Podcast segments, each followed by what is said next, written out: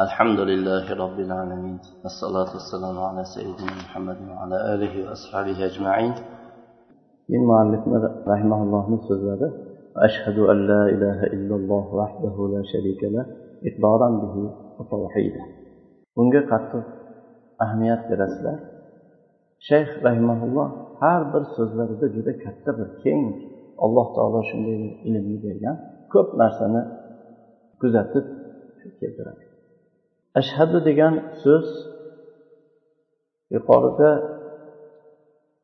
alhamdulillahi أرسل رسوله بالهدى ودين الحق ليظهره على الدين كله وكفى بالله شهيدا shunaqa davom etib kelib keyin bu yerda ashhadu an la ilaha illalloh dedilar ya'ni guvohlik beramanki olloh yolg'iz ollohdan boshqa haq ma'bud yo'qdir Hech sherigi bo'lmagan yagona ollohdan boshqa haq ma'bud yo'qdir guvohlik beraman.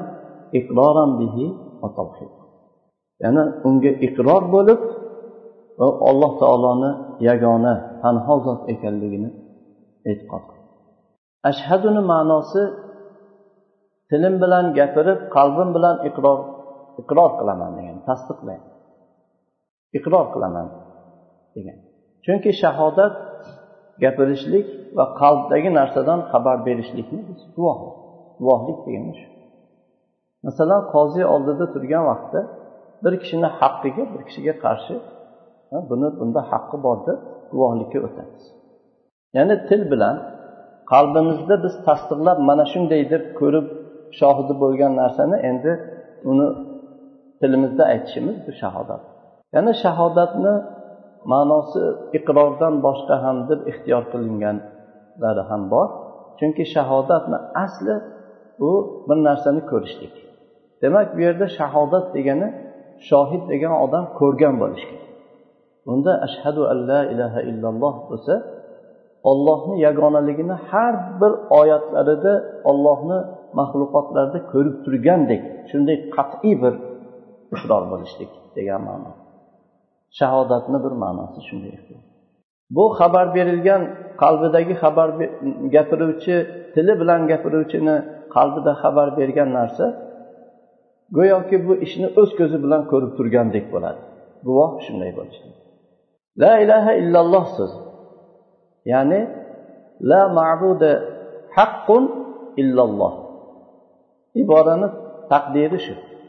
Ollohdan boshqa haq ma'bud yo'q. La ma'buda haqqun illalloh.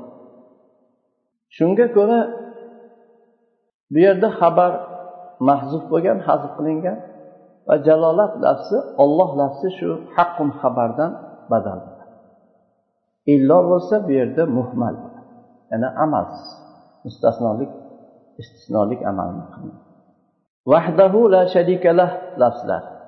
Vahdahu bu isbotni ta'kidlashlik uchun ya'ni ma'no jihatdan isbotni ta'kidi uchun. Isbot nima? Illalloh. Yana faqat yagona haq ollohnigina biz isbotlaymiz. La ilaha deb undan boshqa botil ma'budlarni hammasini inkor qilamiz. Nafiy qilamiz. Bu vahdahu mana shu isbotni illallohni ta'kidlash uchun. La sharikalah esa u nafiyni ta'kidlash. Ya'ni la ilaha illalloh degan so'zimizga ta'kid bo'ladi la sharikalah. Uni hech qanday sherigi yo'q tanho olloh bu nafiyni ta'kidlashlik uchun. Keyin buni davomida iqroran bihi va tavhida keladi. Iqror bu aqarra yuqirrudan masdar.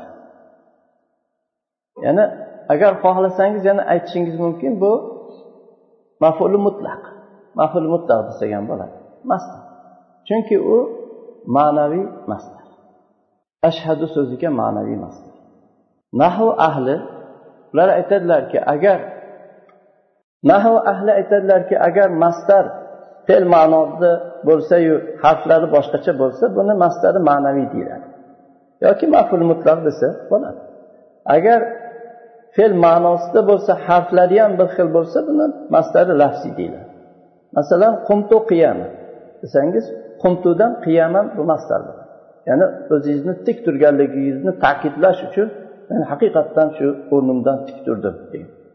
Bu masdari lafsiy bo'ladi. Lafzda ma'noda bir xil. Lom fe vo harflar. Endi qumtu vuqufan. Bu qumtu qiyamanda qof vov min. Ekana bu lafz lafzni sharhlaymiz qumtu qiyaman desak qoma yaqumudan shu harflar ayni o'zi qumtu vuqufan desak endi qoma boshqa vuquf boshqa. Lekin ma'nosi bir narsa. Buni mastari ma'naviy deymiz. Jalastu julusan. Bu mastari lafsiy jalasa harflarida ma'noda bir xil. Jalastu quudan desak bu mastari ma'naviy. Endi bu yerdagi tavhida la ilaha illalloh so'ziga ta'kid masdar. Va ashhadu anna muhammadan abduhu va rasuluh degan so'z. Biz ashhadu so'zi haqida yuqorida birinchi ashhaduda aytib o'tdik. Muhammad sollallohu alayhi vasallam u kishi muhammad ibn abdulloh ibn abdul muttalib quraysh qabilasidan hoshimiy ya'ni ismoil ibn ibrohim alayhissalomning sulolalaridan nasabda rasululloh sollallohu alayhi vasallam odamlarni eng sharaflisidir. Bu ulug' payg'ambar ollohni bandasi ollohni elchisi.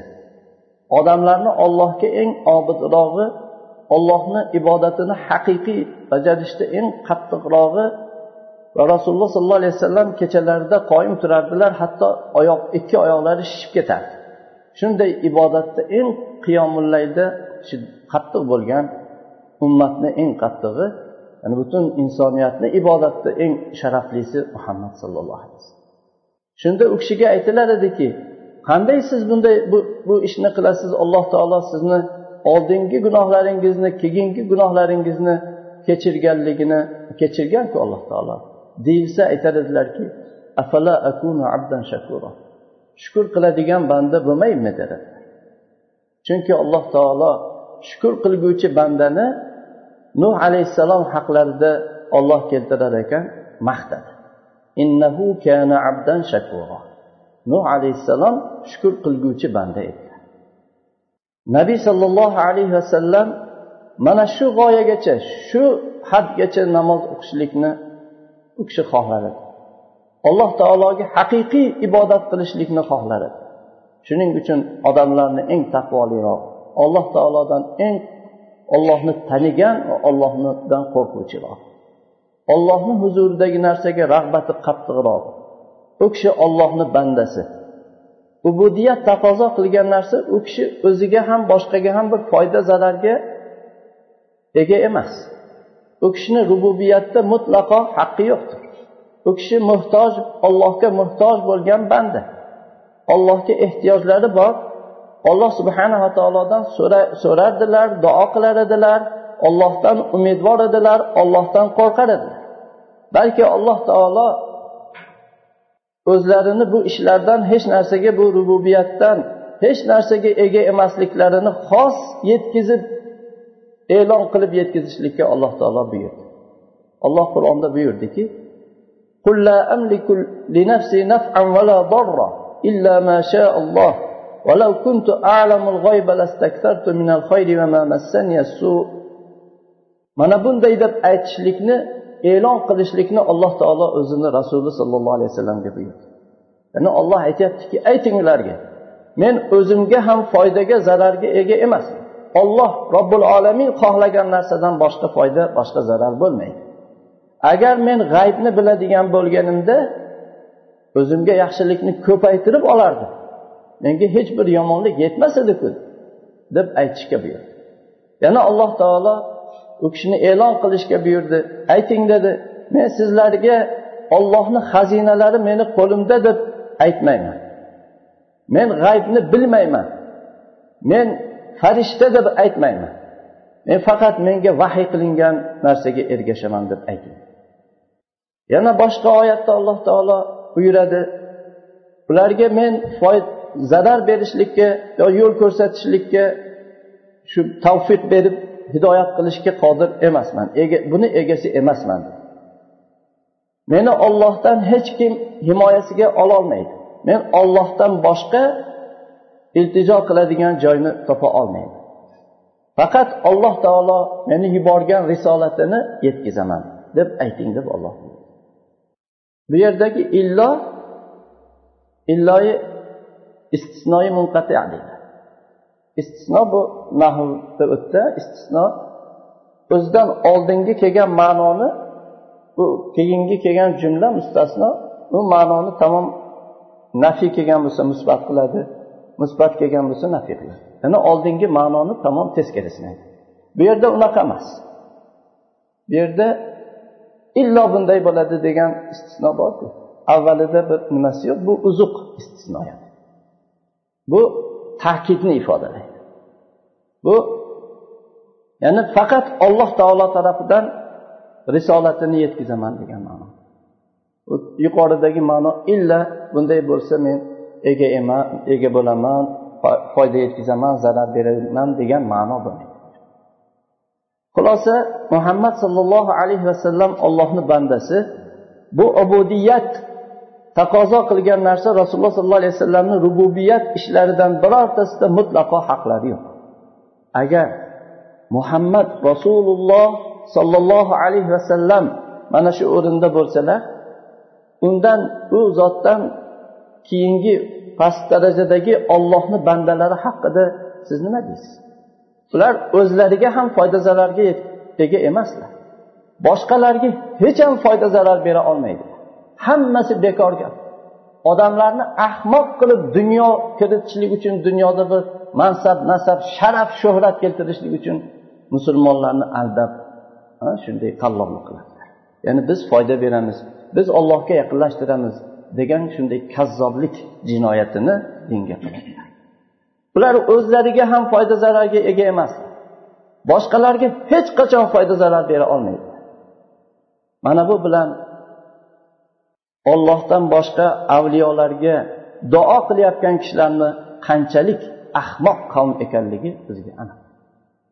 Farosati yo'q o'zini yo'qotgan bir inson ekanligi keyin shayx rahimaullohni va rasuluhu degan so'zlari bu ham rasululloh sollallohu alayhi vasallamdan keyin hech kimga bo'lmaydigan sifatlar.